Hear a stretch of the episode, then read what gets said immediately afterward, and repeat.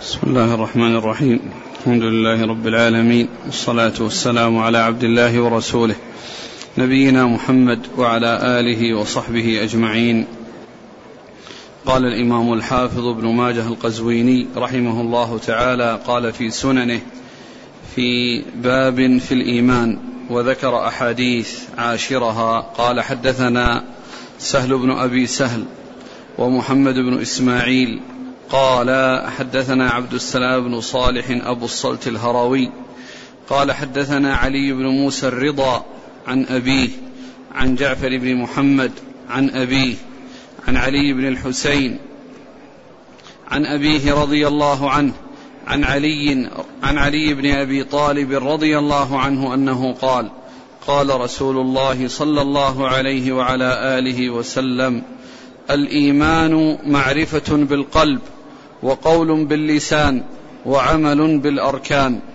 قال أبو الصلت لو قرئ هذا الإسناد على مجنون لبرأ.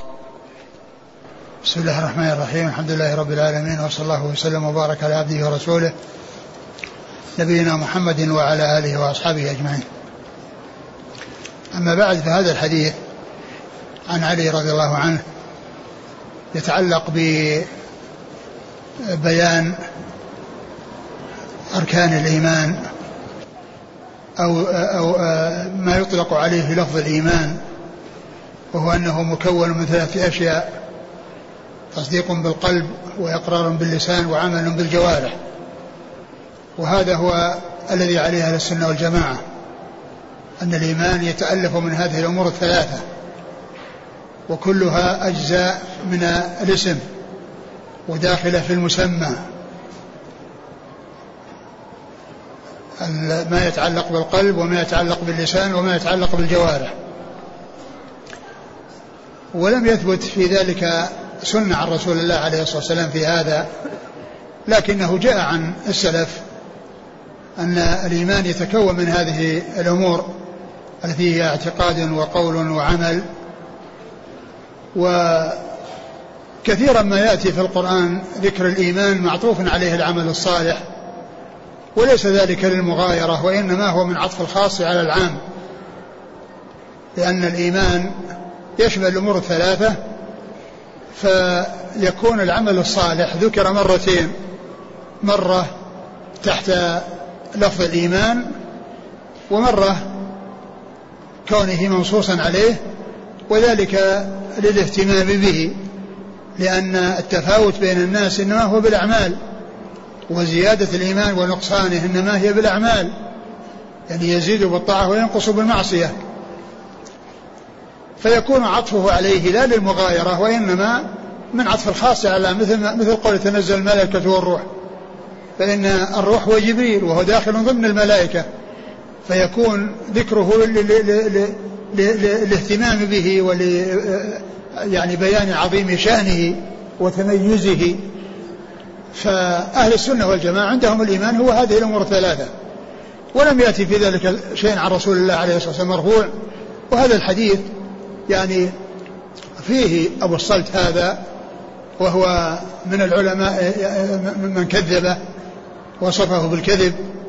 يعني بعض أهل العلم وصفه بأنه كذب ولهذا حكم عليه الشيخ الألباني بأنه موضوع وكذلك ابن الجوزي أدخل في الموضوعات. وبعض أهل العلم يقول أنه لا يصل إلى حد الموضوع ولكنه ضعيف جدا. ولكنه ضعيف جدا وعلى كل حال هو غير ثابت عن رسول الله عليه الصلاة والسلام. وما والمعروف عن السلف يعني آه أنه آه، اعتقاد وقول وعمل وأنه يزيد وينقص. وهذا هو المعروف عن عن سلف هذه الأمة. نعم. الإسناد قال حدثنا سهل بن أبي سهل. هو؟ صدوق رجل ابن ماجه. ومحمد بن إسماعيل. هو الأحمسي وهو؟ ثقة أخرجه الترمذي والنسائي وابن ماجه. نعم. عن عبد السلام بن صالح أبو الصلت الهروي. وهذا هو آفة الحديث. لأن في إسناده هذا الرجل ومنهم من كذبه وحكم على حديثه بالوضع ومنهم من ضعفه جدا وقال إنه يعني لا لا يحتج بحديثه و و... و... قال حافظ صدوق إيش؟ له مناكير. نعم. أخرج له ابن ماجه. نعم. عن علي بن موسى الرضا. علي بن موسى الرضا هو صدوق وهو علي بن موسى علي بن موسى ابن جعفر ابن محمد ابن علي ابن حسين ابن علي. يعني هذا يعني أحد الأئمة الاثنى عشر عند الرافضة الذين يعظمونهم ويعني يجعلون لهم منازل. يعني يعني لا يصل إليها الأنبياء. أقول لا يصل إليها الأنبياء يجعلونهم أعلى مرتبة من من الأنبياء. يعني غير نبينا محمد صلى الله عليه وسلم. نبينا محمد صلى الله عليه وسلم يعني هو هو الذي لا يتقدمه أحد ولكن يأتي بعد ذلك الأئمة ثم يأتي بعد ذلك إبراهيم الخليل يعني بعد الأئمة. فعندهم غلو متناهي في يعني آه هذا 12 وها وهذا الإسناد فيه سبعة من الاثنى عشر. فيه سبعة من الاثنى عشر الذي هو علي وموسى وجعفر ومحمد وعلي والحسين وعلي بن أبي طالب. هؤلاء سبعة من الأئمة الاثنى عشر اجتمعوا فيه. ولكون الراوي هذا من غلاة الشيعة قال هذه الكلمة يقول لو, لو قرئ هذا الإسناد على مجنون براء. يعني يشفى من هذه الأسماء التي يعني تذكر عليه لو لو قرئ أو سمع يعني مجنون هذه الأسماء فإنه يبرأ من جنونه. ويذهب جنونه يعني لأن هؤلاء أئمة. نعم هؤلاء أئمة. وهم من أئمة أهل السنة. وأهل السنة ينزلونهم منازلهم ويحبونهم لقرابتهم من رسول الله صلى الله عليه وسلم فلا يجفون ولا يغلون. لا يجفون ولا يغلون وإنما يعتدلون ويتوسطون. ففي يعني هؤلاء الثلاثة المتوالين الذين هم علي وموسى وجعفر هؤلاء كل منهم صدوق. وعلي بن الحسين ومحمد بن ابن علي ومحمد بن علي محمد بن علي وعلي بن حسين يعني هذه اثنان كل منهما ثقة. وأما الحسين وعلي فهم من أصحاب الرسول صلى الله عليه وسلم. علي رابع الخلفاء الراشدين والحسن والحسين أحد سيدي شباب أهل الجنة. كما أخبر بذلك رسول الله عليه الصلاة والسلام. فهم يحبون الجميع ويعظمون الجميع ولكنهم لا يجفون ولا يغلون. لا يتجاوزون الحدود ولا يقصرون عن ما هو واجب وما هو يعني مطلوب لهم. يحبونهم ويتولونهم وينزلونهم منازلهم فلا يغفون فلا فلا يغلون ولا يجفون. نعم علي بن موسى ثقة صدوق أخرج له. أخرجه ابن ماجه. نعم. عن أبيه. عن أبيه وهو صدوق أخرج له. الترمذي وابن ماجه. نعم. عن جعفر بن محمد. عن جعفر بن محمد وهو صدوق أخرجه البخاري في الأدب المفرد ومسلم وأصحاب السنة. عن أبيه. عن أبيه محمد بن علي بن حسين وهو ثقة أخرج أصحاب الكتب. عن أبيه علي بن حسين وهو ثقة أخرج أصحاب الكتب. عن الحسين بن علي رضي الله تعالى عنهما وهو آه، أحد الاثنين الذين وصفهم الرسول عليه الصلاة والسلام بأنهما سيدا شباب أهل الجنة الحسن والحسين رضي الله تعالى عنهما وحديثه أخرجه. أصحاب الكتب. نعم. عن علي رضي الله عنه أمير المؤمنين ورابع الخلفاء الراشدين الهاديين المهديين صاحب المناقب الجمة والفضائل الكثيرة وحديثه عند أصحاب الكتب الستة. كذا الكلام. يفيد الشيخ عبد الرزاق يقول ابن القيم في تهذيب السنن له كلام جميل في التعليق على هذا الحديث. في تهذيب السنن نعم ذكر فيه أن لو شئنا لذكرنا بعض من أثنى. على عبد السلام بن صالح. ولكن نعوذ بالله من طريقة أهل الأهواء مم. لأنه ذكر يعني يعني جماعة أثنوا عليه منهم علي يعني يحيى بن معين ومنهم يعني يعني أثنوا عليه لكن ال- ال- الكثير يعني في ذمة و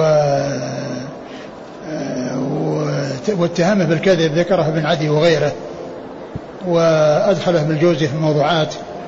وبعضهم قال إنه لا يعني يصل إلى حد الوضع وانما هو ضعيف جدا. نعم. ثم أيضا هذا الحديث يعني من أفراد ابن ماجه. يعني ما أدري كيف دخوله في تهذيب السنن كان على استطراد أو شيء. وأيضا هو نفس الرجل ما فرد به ابن ماجه ولا لا؟ نعم. نعم. إيه يمكن يعني في مناسبة.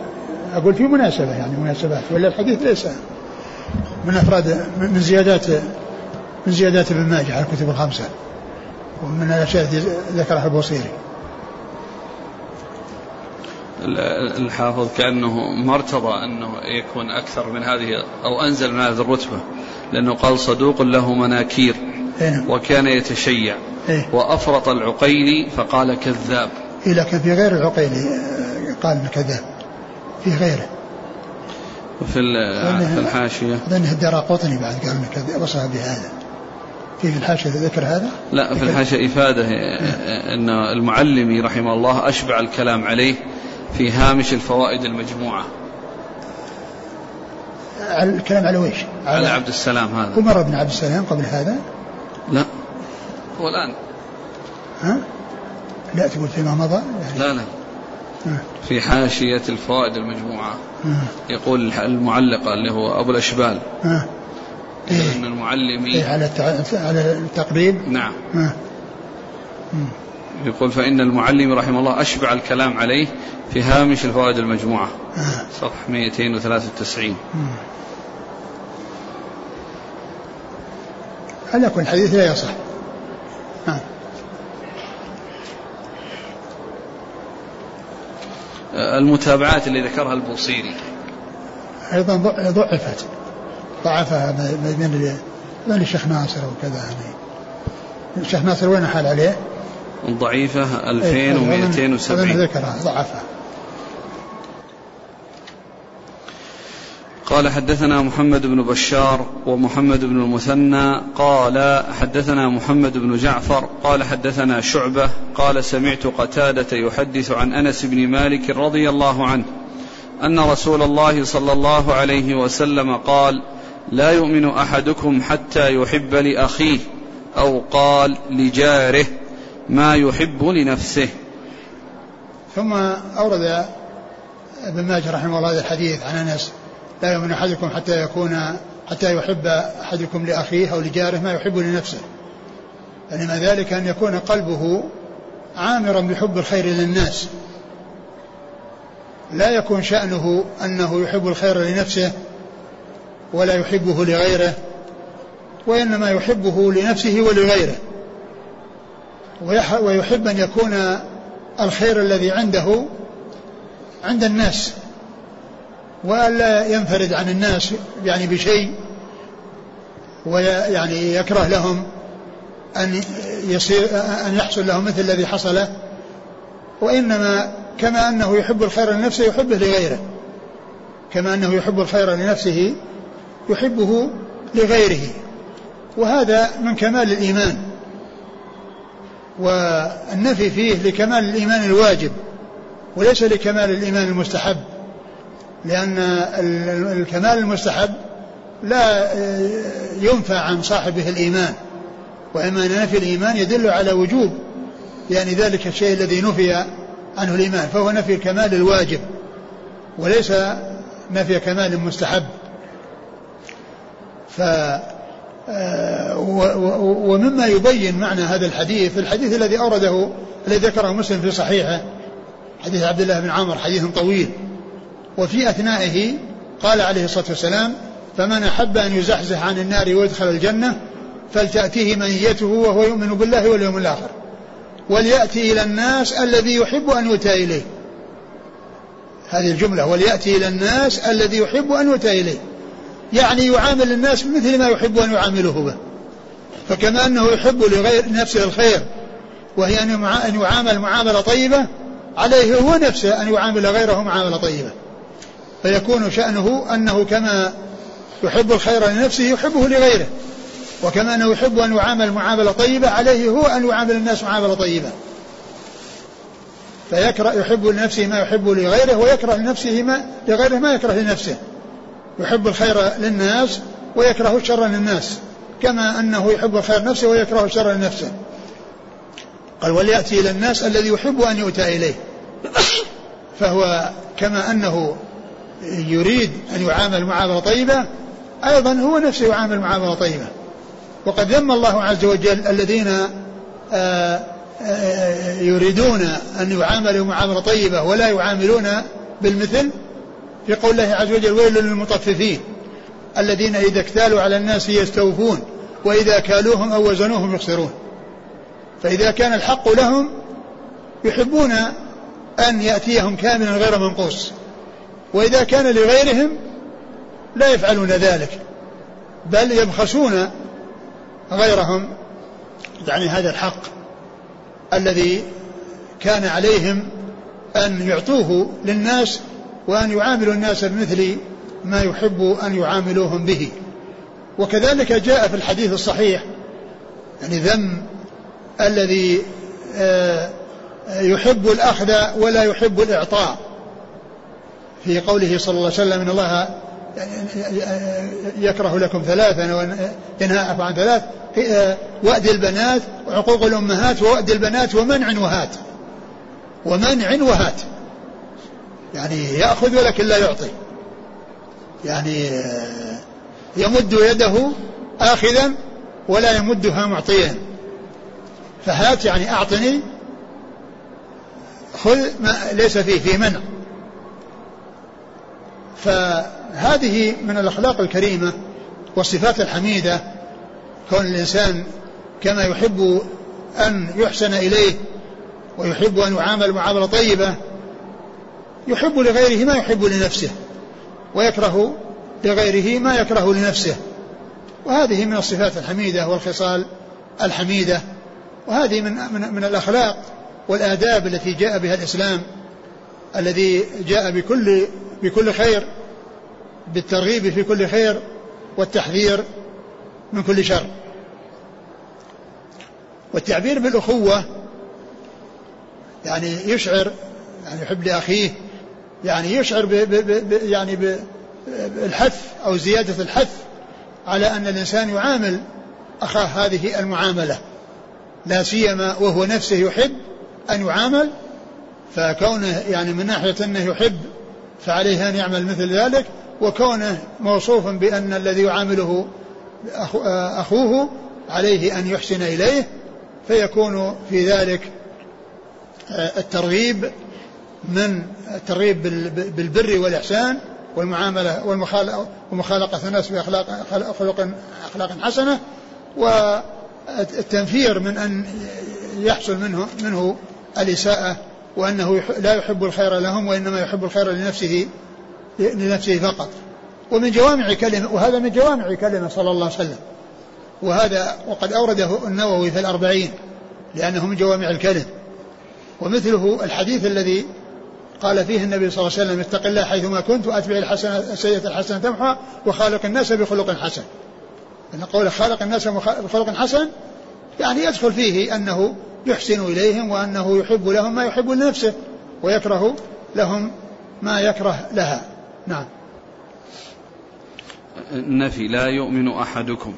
نعم هذا نفي الكمال الإيمان الواجب. يعني لأنه يعني يأثم بذلك. نعم. قال حدثنا محمد بن بشار. محمد بن بشار هو ملقب من دار وهو ثقة أخرج أصحاب الكتب وهو شيخ لأصحاب الكتب.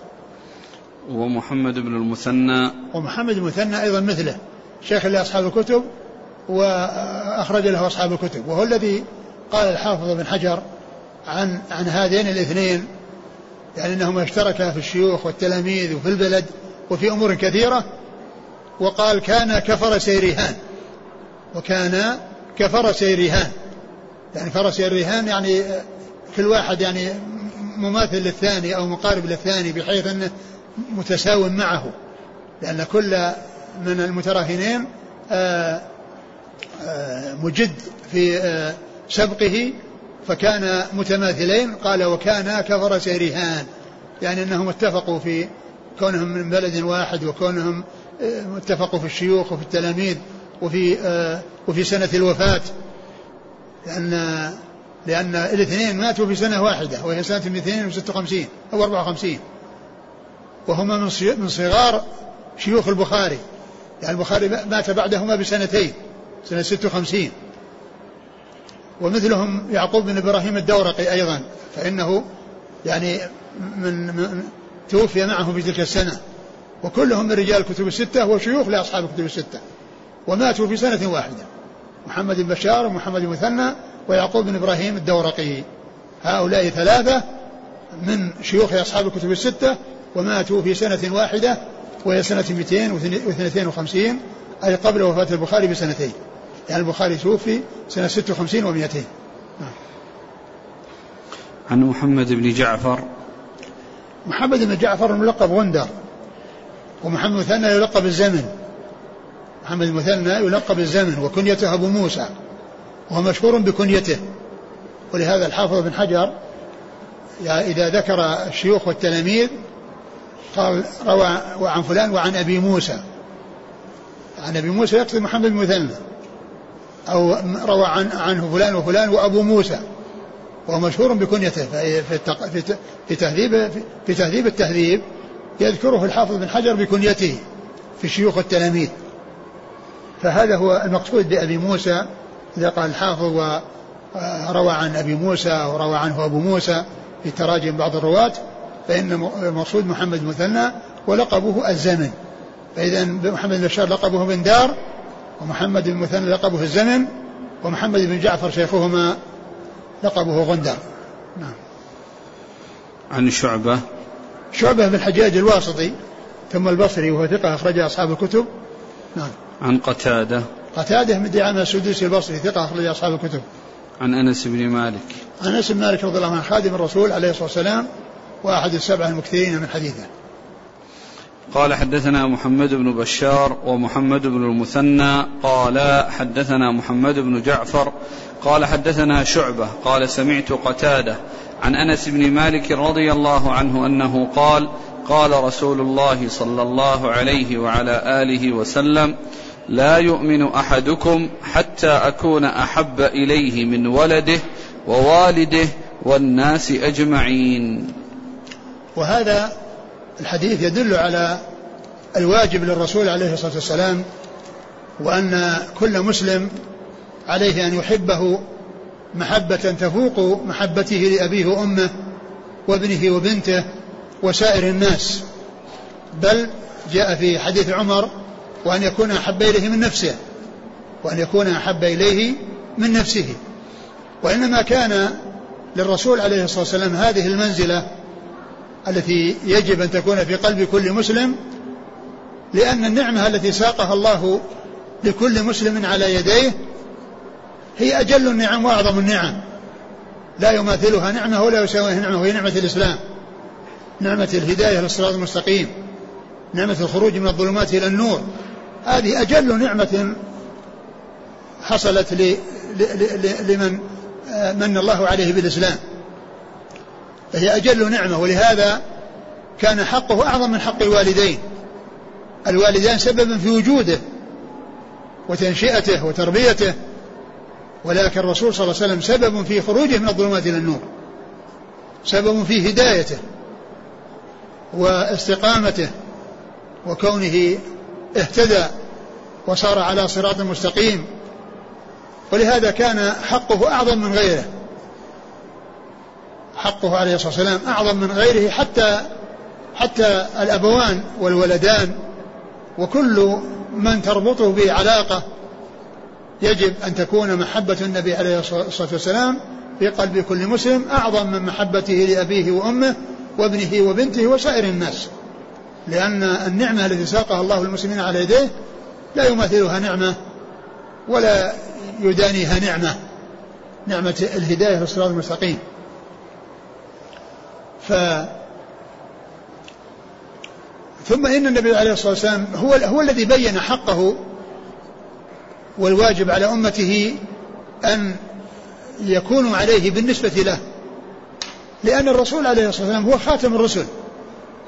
وليس هناك أحد نبي بعده ينزل عليه وحي يبين منزلة النبي عليه الصلاة والسلام. ولهذا بين ما, ما يجب أن يعتقد في حقه عليه الصلاة والسلام. بخلاف الأنبياء السابقين جاء بعدهم رسل وخاتمهم نبينا محمد صلى الله عليه وسلم وبين عليه الصلاة والسلام فضائلهم.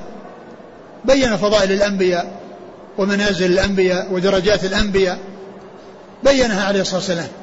لكن الرسول عليه الصلاة والسلام ما بعده نبي ينزل عليه وحي آه، يبين عظيم منزلته. ولهذا بين للناس كل ما يحتاجون إليه حتى ما يتعلق بشخصه عليه الصلاة والسلام. حتى ما يتعلق بشخصه والواجب له بين النبي عليه الصلاة والسلام. لأنه لا نبي بعده ولهذا الشريعة كاملة لا نقص فيها. سواء ما يتعلق بحق الرسول أو حق غيره حق الله وحق الرسول وحق الغير كل ذلك جاء مبينا وإنما حصل ذلك من رسول الله عليه السلام لأنه هو الخاتم الذي لا نبي بعده فبين للناس كل ما يجب عليهم أن يعتقدوه وأن يعملوه وأن يقوموا به. قال عليه الصلاة والسلام لا يؤمن أحدكم حتى أكون أحب إليه من ولده ووالده والناس أجمعين.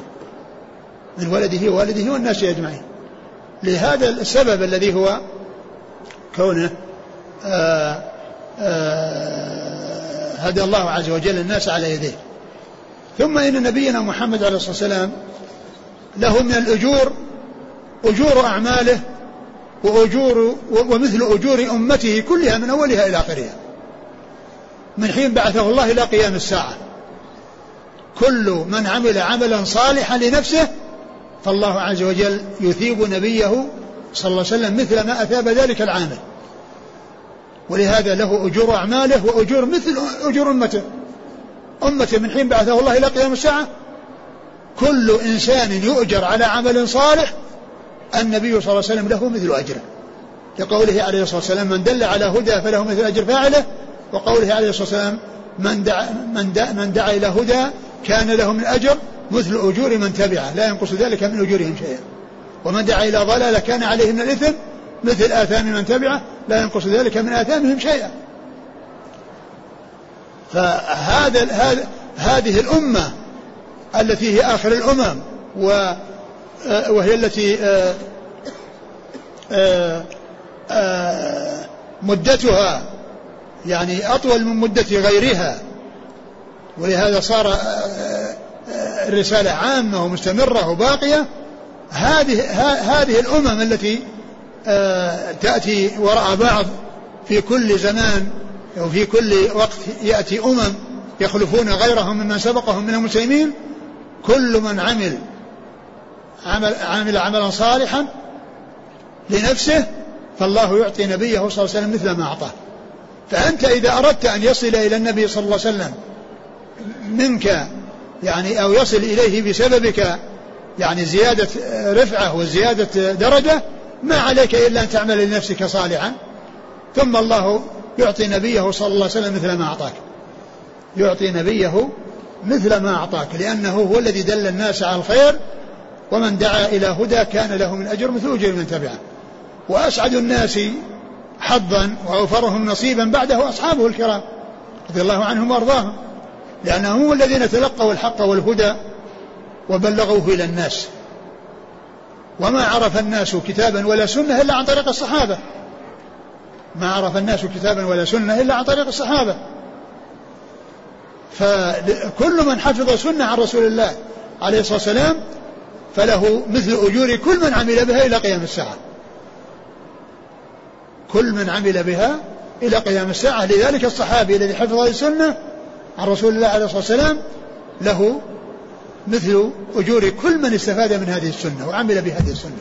لأنه هو الذي هو الذي دل الناس على هذه السنة وهو الذي حفظ للناس هذه السنة وهو الذي تلقى عن رسول صلى الله عليه وسلم هذه السنة. تلقى عن رسول عليه الصلاة والسلام هذه السنة.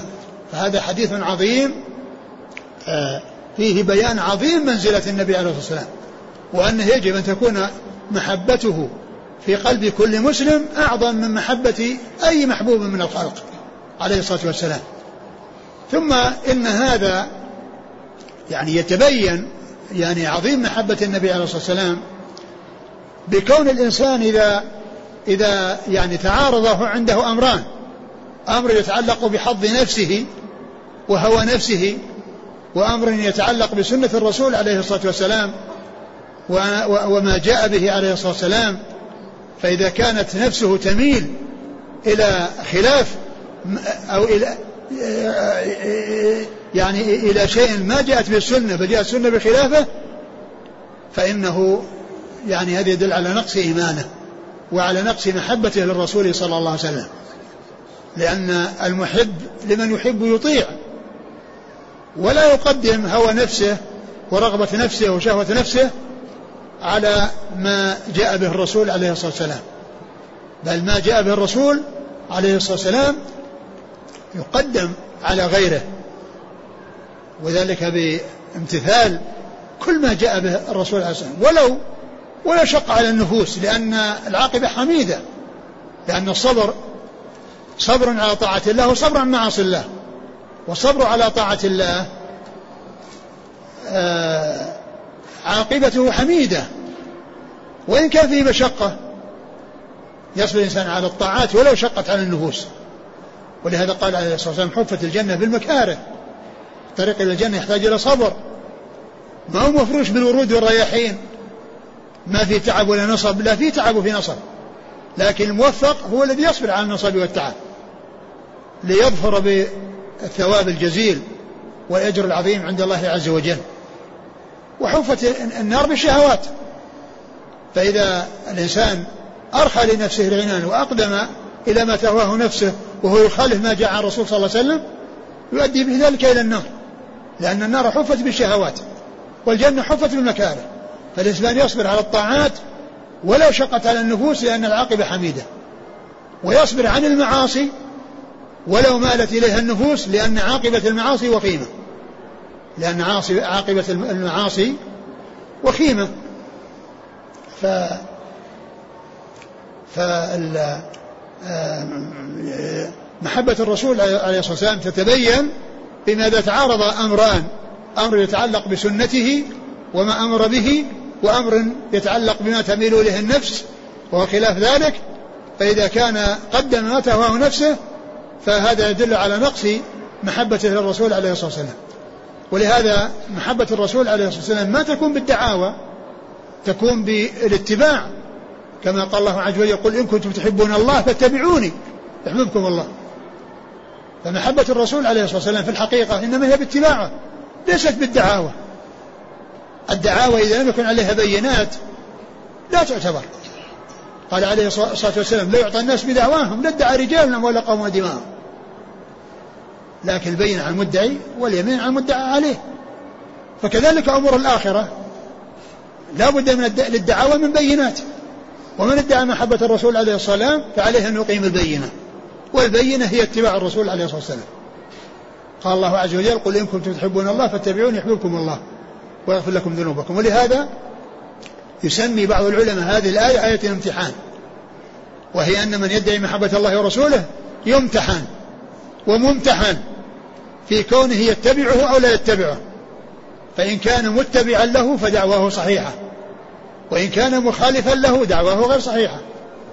وإن كان مخالفا له يعني يقدم على مخالفة الرسول عليه الصلاة والسلام لأن نفسه تشتهي هذا ونفسه الأمارة يعجبها هذا هذا إذا قال إنه يحب الرسول عليه الصلاة والسلام هذه المحبة ليست صحيحة لأنها ليس عليها بينة. كما أن أمور الدنيا لا الدعاوى في الدنيا لا لا يترتب عليها أو لا يكون لها اعتبار إلا بالبينات فكذلك أمور الآخرة. لو أن إنسان قال أنا أطالب يقول الإنسان أنا أطالبك بكذا أنا أطالبك بألف ريال يأتي إلى شخص ويقول أنا عندك الألف ريال. هذه دعوة إما أن يحضر شهود إما أولا يقر المدعى عليه أو أنكر ولكن أحضر شهود. يشهدون بأن له حق فعند ذلك تثبت.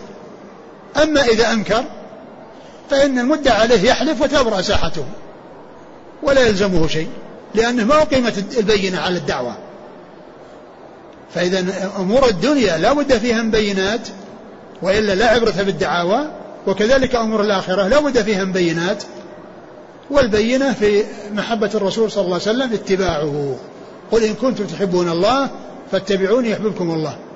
يقول أبو عثمان النيسابوري من أمر السنة على نفسه قولا وفعلا نطق بالحكمة.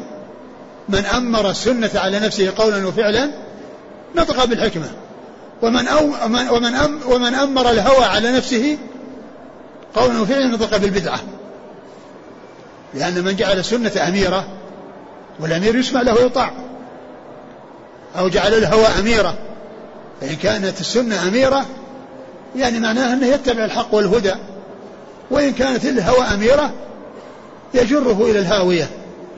كما تبين في الحديث الذي أشرت إليه حفت الجنة بالمكاره وحفت النار بالشهوات.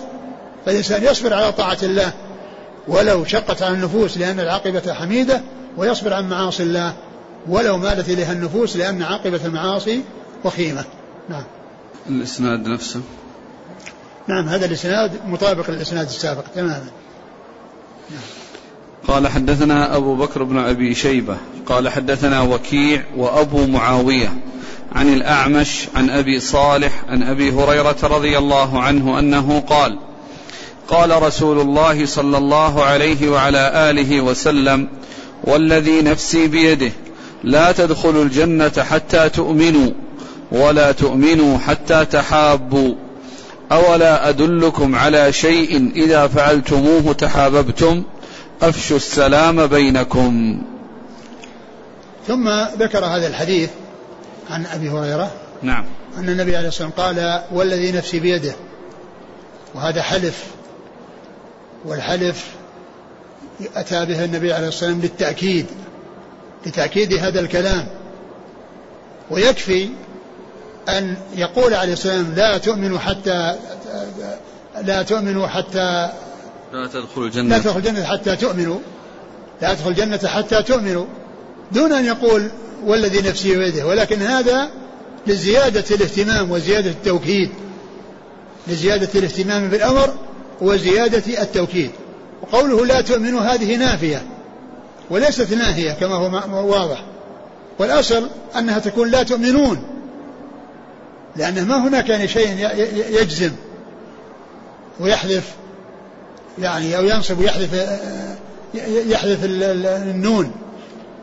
في الأصل هي لا تؤمنون ولكنها حذفت قيل للمشاكلة يعني يعني حتى تحابوا يعني مشاكلة لتحابوا وتحابوا منصوبة بوجود الناصب الذي هو حتى الذي هو الذي هو حتى الحرف. ف فالذي في الحديث نفي. لا تؤمنوا لا تدخل الجنة حتى تؤمنوا. ومعلوم أن الجنة يدخلها كل مسلم مات على الإسلام. وإن دخل النار فإنه سيدخل الجنة. لأن كل من مات على الإيمان لا بد وأن يدخل الجنة. لكن الناس يتفاوتون في دخول الجنة. من الناس من يدخلها من أول وهلة ومنهم من يدخلها بعد مدة بعد ما يعذب بالنار قوله عليه الصلاة والسلام لا تدخل الجنة حتى تؤمنوا. يعني آه، أولا من ناحية من ناحية الدخول ما يدخلها إلا كل إلا مسلم من دخل في الإسلام. ما شهد لا إله إلا الله وأن محمد رسول الله بالنسبة لهذه الأمة. من حين بعث الله رسوله عليه الصلاة والسلام إلى قيام الساعة لا يدخل لا يكون لا يكون من أهل الجنة إلا من مات على الإسلام. سواء دخلها من أول وهلة أي الجنة أو دخلها بعد مدة. المهم أنه لا بد وأن يدخل الجنة من مات على التوحيد ومن مات على الإيمان. ولو عمل ما عمل من المعاصي. ما دام أنه لم يخرج عن الإيمان إلى الكفر. ما دام أنه في من المسلمين. ولو عمل ما عمل المعاصي فإنه لا بد وأن يدخل الجنة. قال لا تدخل الجنة حتى تؤمنوا. لا تدخل الجنة حتى تؤمنوا. الجنة لا يدخلها نفس مؤمنة يدخلها المؤمنون. ومن كان كامل الإيمان أو كان ناقص الإيمان وتجاوز الله عنه يدخل الجنة من أول والة ومن كان عنده كبائر وعنده ذنوب فإن لم يتجاوز الله عنه من أول الأمر ويدخله الجنة وأدخله النار فإنه يخرجه منها ويدخل الجنة. لكن دخول الجنة لا بد وأن يكون لكل مسلم. لا بد في النهاية أن يدخل الجنة. كل من مات على التوحيد ومات على الإسلام ولو عمل من المعاصي ما عمل. وإنما التفاوت في البداية والنهاية. في, في التفاوت في الدخول. أحد في أول أمر وأحد بعد مدة. أحد هكذا. ومن دخل النار يخرج منها. والناس يخرجون منها. يعني ليسوا كلهم في وقت واحد. وهم متفاوتون. يعني يخرجون بشفاعة الشافعين ثم يخرجون برحمة أرحم الراحمين. سبحانه وتعالى. لا تدخل الجنة حتى تؤمنوا. ولا تؤمنوا حتى تحابوا. يعني لا يؤمنوا الإيمان الكامل أو الإيمان الواجب الإيمان الذي الذي يعني آه، يسلم صاحبه من العذاب ويحصل الأجر حتى يحصل التحاب. لا يعني ذلك أنه إذا ما حصلت التحاب أنه يخرج يخرج من الإيمان. ولكن نفي الكمال الواجب. لا يحصل هذا الذي المنفي نفي الكمال الواجب. الذي يعني من فعله أثيب ومن لم يفعله فإنه يأثم. ولا ولا ولا تؤمنوا حتى تحابوا. ثم قال أولا أدلكم على شيء إذا فعلتموه تحاببتم أفشوا السلام بينكم. لأن السلام وإلقاء السلام هذا من أسباب المودة وأسباب المحبة التي تكون بين المسلمين. كون يسلم بعضهم على بعض. والسلام كما أن فيه آه، حصول المودة والمحبة هو دعاء بالسلامة والرحمة والبركة. ويكون في ذلك التقارب والتآلف ومع ذلك كونه دعاء بحصول هذه الأشياء التي هي السلامة والرحمة والبركة. أفشوا السلام بينكم يعني أنهم يسلمون بعضهم على بعض من عرف ومن لم من عرف ومن لم يعرف. ليس السلام للمعرفة؟ وهذا بالنسبة للمسلمين يسلم بعضهم على بعض. وأما الكفار لا يبدأون بالسلام ولكن إذا سلموا يرد عليهم. إذا سلموا يرد عليهم لكن لا يبدأون بالسلام. وأما المسلمون فخير المتلاقيين من يبدأ بالسلام. خير المتلاقيين الذي يبدأ بالسلام ويسبق إلى السلام. أولا أدلكم على شيء إذا فعلتم تحاببتم أفشوا السلام بينكم. هذا من أسباب المودة وأسباب التآلف وأسباب التقارب ويعني عدم وذهاب العداوة والبغضاء يعني في النفوس. نعم. قال حدثنا أبو بكر بن أبي شيبة. ثقة أخرج أصحاب الكتب إلى الترمذي. عن وكيع وكيع بن الجراح الرؤاسي الكوفي ثقة أخرج أصحاب الكتب. وأبي معاوية محمد بن خازم الضرير الكوفي ثقة أخرج أصحاب الكتب. عن الأعمش هو سليمان بن مهران الكاهلي الكوفي ثقة أخرج أصحاب الكتب. عن أبي صالح أبو صالح ذكوان السمان وهو ثقة أخرج أصحاب الكتب. عن أبي هريرة عن أبي هريرة عبد الرحمن بن صخر الدوسي صاحب رسول الله عليه الصلاة والسلام وهو أكثر الصحابة حديثا. نعم. قال حدثنا محمد بن عبد الله بن نمير قال حدثنا عفان قال حدثنا شعبة عن الأعمش حاء قال وحدثنا هشام بن عمار قال حدثنا عيسى بن يونس قال حدثنا الأعمش عن أبي وائل عن عبد الله رضي الله عنه أنه قال قال رسول الله صلى الله عليه وسلم سباب المسلم فسوق. وقتاله كفر. ثم ورد هذا الحديث عن عبد الله بن مسعود رضي الله تعالى عنه أن النبي عليه الصلاة والسلام قال سباب المسلم فسوق وقتاله كفر. يعني كل إنسان يسبه ويؤذيه بالسباب والشتم فسوق من من فعل ذلك. ولما كان القتال هو فوق السباب صارت العقوبة عليه أكثر من الفسوق فصار هو الكفر. لكنه ليس الكفر المخرج من الملة وإنما هو كفر لا يخرج من الملة لكن الذنب اللي يوصف بأنه كفر خطير ليس بالهين الذنب اللي يوصف بأنه كفر يعني يدل على عظم الذنب وعلى خطورة الذنب. ففرق بين السباب والقتل السباب كلام باللسان وفيه إيذاء فهو فسوق من فاعله. لكن المقاتلة وإزهاق النفوس وإتلاف النفوس هذا وصف بأنه كفر ولكنه ليس الكفر المخرج من الملة. ولهذا جاء في القرآن في سورة الحجرات آآ آآ وإن طائفة فاصلحوا بينهما فإن بغت إحداهما على الأخرى فقاتلوا التي تبغي حتى تفيء إلى أمر الله. فإن فأت فأصلحوا بينهما بالعدل وأقسطوا إن الله يحب ثم قال إنما المؤمنون إخوة. فأصلحوا بين أخويك وصف الاثنين بأنهم إخوة. أو الطائفتين المتقاتلتين بأنهم إخوة. فإذا يعني ليس المراد بالكفر هنا الكفر المخرج من الله وإنما هو كفر دون كفر ولكن الذنب الذي يوصف بأنه كفر يكون خطيرا ويكون كبيرا وعظيما. نعم. قال حدثنا محمد بن عبد الله بن نمير ثقة أخرج أصحاب الكتب. عن عفان ابن مسلم, ابن مسلم الصفار ثقة أخرج أصحاب الكتب. عن شعبة عن الأعمش حا قال وحدثنا هشام بن عمار. هو صدوق أخرج له. البخاري وأصحاب السنن. نعم. عن عيسى بن يونس. وهو؟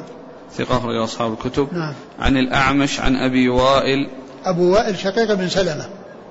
ومشهور بكنيته. وهو ثقة مخضرم. أخرج له أصحاب الكتب الستة والمخضرم هو الذي أدرك الجاهلية والإسلام ولم يلقى النبي عليه الصلاة والسلام. يعني من أنه من كبار الصحابة من كبار الصحابة وهؤلاء عدد.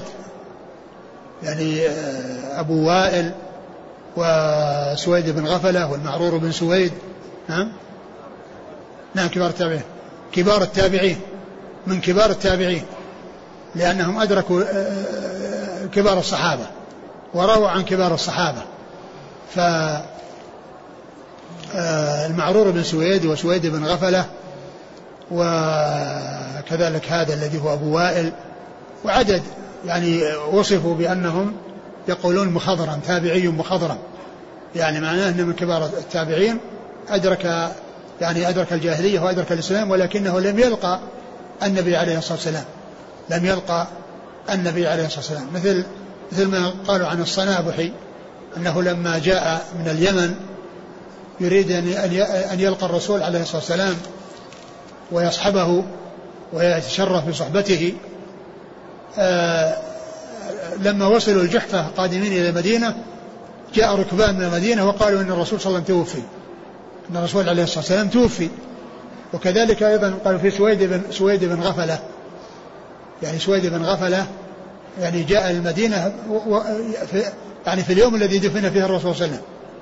يعني ما أدركه فهو كاد أن يكون صحابيا. كاد أن يكون صحابيا. يعني فهؤلاء يقال لهم مخضرمون. أدركوا الجاهلية وأدركوا الإسلام ولم يلقوا النبي عليه الصلاة والسلام. عن عبد الله. عبد الله بن مسعود الهذلي رضي الله عنه حديثه أخرجه أصحاب كتب الستة.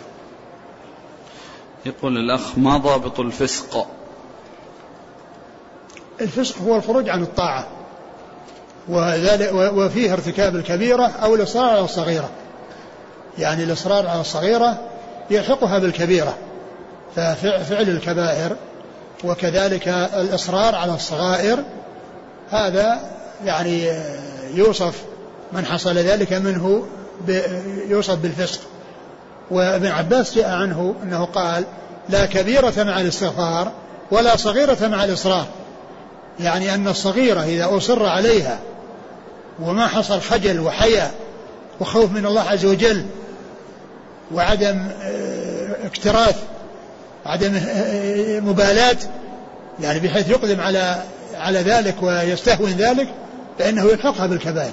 يعني معناه لا صغيرة مع الإصرار يعني كل إنسان مصر عليها يعني تضخم وتعظم حتى تصير مثل الكبائر. والكبيرة مع الاستغفار والخوف والندم تتضاءل وتضمحل.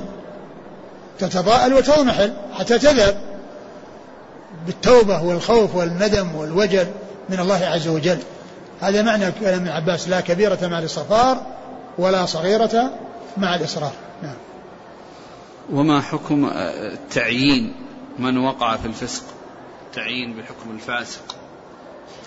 يعني عند الحاجة إليه عند الحاجة إليه يبين يعني سواء عند مشورة أو عند خطبة أو عند مشاركة يعني الإنسان إذا إذا سئل أما كونه يشهر بالإنسان ويقول فلان كذا لا يفعل هذا وإنما عليه أنه عند الحاجة وعند أمر يقتضيه يبين وكذلك أيضا عند شهادة وما إلى ذلك كونه يعني يشهد والمدعى عليه يبين حاله ويبين فسقه يعني آه، عند الحاجة إليه آه، نعم.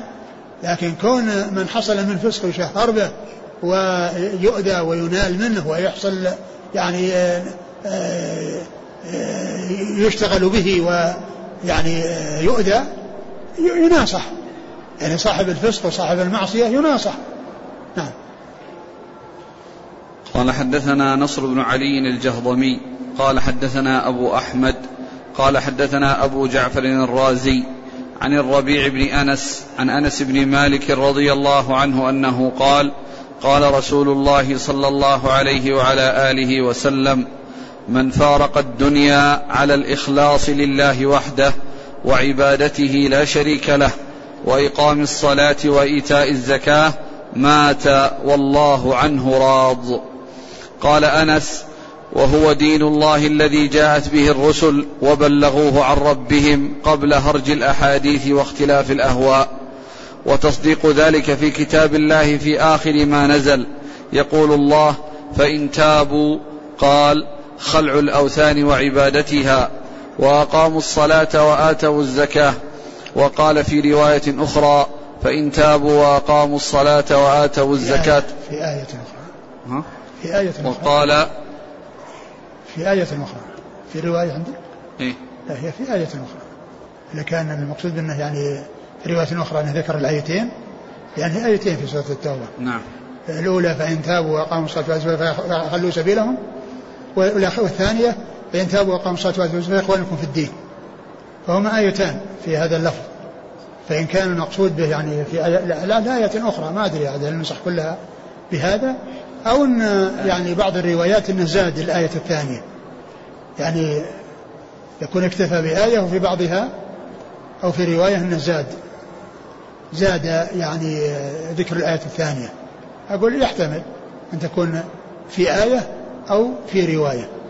ما أدري عاد إيش اللي اللي اللي النسخ الآن. نعم. النسخ مشهور والسندي. آية. آية؟ إيه. والله اللي يبدو أنها آية لأنه قال في آية أخرى. آية أخرى. وقال في آية أخرى فإن تابوا وأقاموا الصلاة وآتوا الزكاة فإخوانكم في الدين. ثم ذكر هذا الحديث عن عن أنس. عن أنس رضي الله عنه. قال من مات من, من فارق الدنيا على الإخلاص لله وحده وعبادته لا شريك له وإقام الصلاة وإيتاء الزكاة مات والله عنه راض. من مات أو من فرق الدنيا بمعنى أنه انتهى منها ومات وخرج من الدنيا إلى الآخرة وهو على الإخلاص لله وعبادته وفي مقدمة ذلك الصلاة والزكاة فإنه يموت والله راض عنه.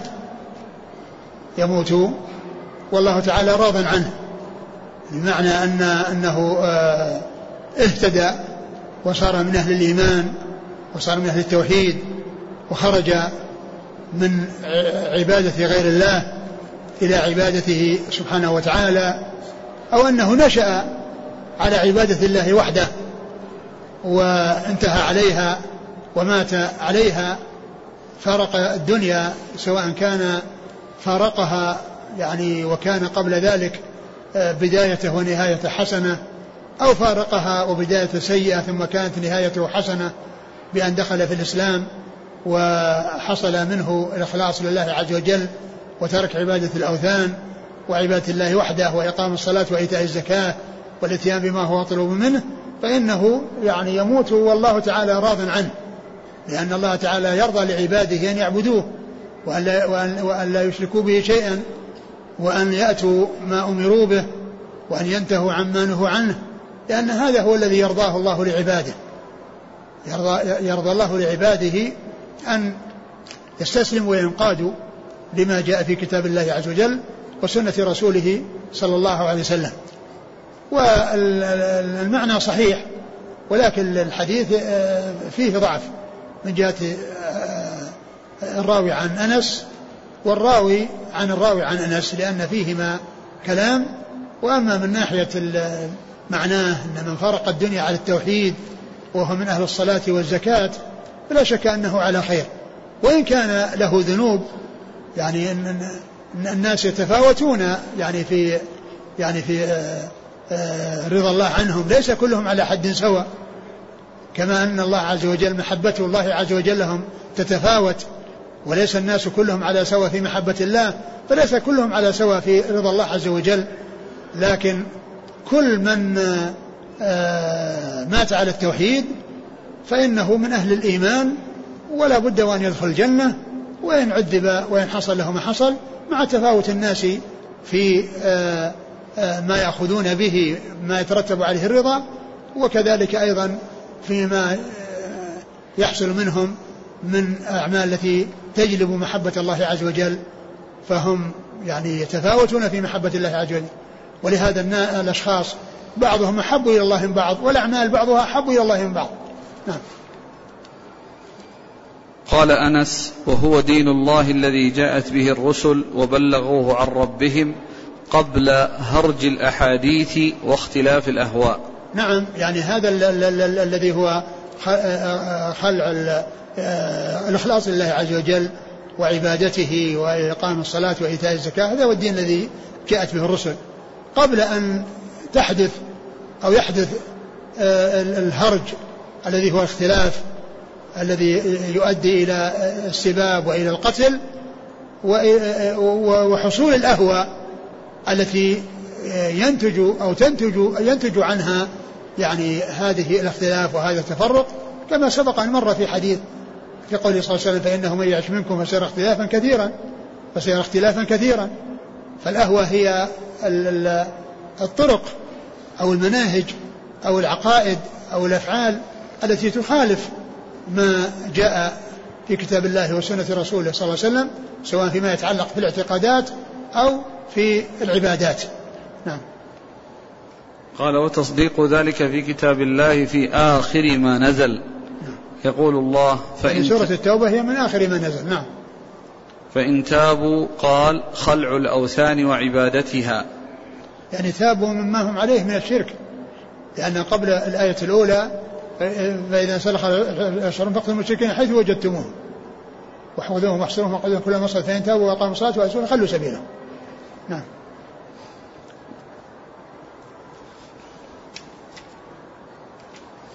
قال حدثنا نصر بن علي الجهضمي. ثقة أخرج أصحاب الكتب.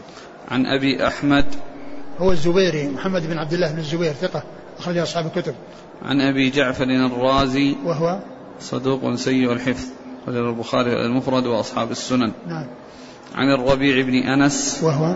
صدوق له أوهام أخرج له أصحاب السنن. نعم. عن أنس بن مالك. نعم. هي الآية الأولى أتي بها. أتي بالآية الأولى ثم أتي في الآية الثانية. لأنها كأن الكلام يتعلق بالآية الأولى. الآية الأولى هي التي فيها يعني كونهم خلعوا الأوثان وكون لأنها في, في أولها هناك قال فإذا فقد المشركين حيث وجدتهم وخذوهم ثم كل المصر فإن تابوا. يعني فإن تابوا من الشرك وتركوا الأوثان وأقاموا الصلاة وآتوا الزكاة فخلوا سبيلهم فخلوا سبيلهم. والثانية فإن تابوا وأقاموا الصلاة وآتوا الزكاة فإخوانكم في الدين ونفصل الآيات لقوم يعلمون. فالتي تناسب ال تناسب ال هذا الأولى التي كانت متصلة بالأمر بالقتال وكونهم يعني بعد أن تنتهي مدة المهلة التي هي أربعة أشهر التي يعني يفكرون فيها فإن دخلوا في الإسلام وإلا قوتلوا وعلى كل هي كل من الآيتين يعني نتيجتهما واحدة من ناحية أن أنهم يتركون و وكونهم يوصفونهم بأنهم إخوان إخوان المسلمين.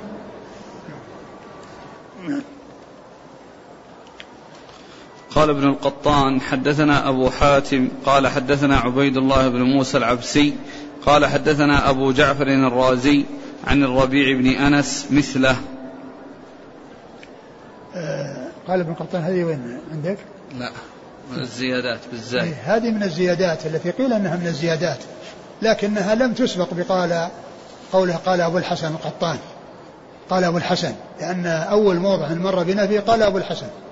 ومر بنا موضع أو موضعين بدون قال أبو الحسن. وكلها تتعلق بذكر إسناد وإحالة. قال حدثنا أبو حاتم قال حدثنا عبيد الله بن موسى العبسي قال حدثنا أبو جعفر الرازي عن الربيع بن أنس مثله. يعني هذا مثل هذا مثل المتن الذي قبله إلا أنه من هذه الطريق التي يلتقي الطريقان في أثنائها و فيه أنه ذكر أنه أن أنه من الزوائد. وهو محتمل أن يكون منها وأن يكون ليس منها. وأبو حاتم الرازي محمد بن إدريس هو من شيوخ ابن ماجه وروى عنه في التفسير كما ذكر ذلك الحافظ في المقدمة فيه في التقريب. ويحتمل أن يكون هذا من الزيادات وأن ما روى له ويحتمل أن يكون روى له وأن يكون سقط يعني فلم يذكر على كل الاحتمال قائم. ويحتمل أن يكون من الزيادات وأن يكون من غير الزيادات. نعم. محمد بن إدريس. محمد هو أبو حاتم محمد بن إدريس. المحدث الناقد المشهور الذي يأتي ذكره في الجرح والتعديل هو أبو زرعة. قال أبو أبو حاتم وأبو زرعة في كذا. دائما يأتي القرن بينهما في الكلام على الرواه توثيقا وتجريحا. وهو, وهو ثقة حافظ أخرجه البخاري و ها؟ البخاري وأبو داود والنسائي وابن ماجه في التفسير. نعم. عن عبيد الله بن موسى العبسي. وهو ثقة أخرجه أصحاب الكتب. عن أبي جعفر الرازي عن الربيع بن أنس مثله. نعم. قال حدثنا أحمد بن الأزهر قال حدثنا أبو النضر قال حدثنا أبو جعفر عن يونس عن الحسن عن أبي هريرة رضي الله عنه أنه قال قال رسول الله صلى الله عليه وسلم أمرت أن أقاتل الناس حتى يشهدوا أن لا إله إلا الله وأني رسول الله ويقيموا الصلاة ويؤتوا الزكاة. والله تعالى أعلم وصلى الله وسلم وبارك على نبينا ورسوله نبينا محمد وعلى آله وأصحابه أجمعين.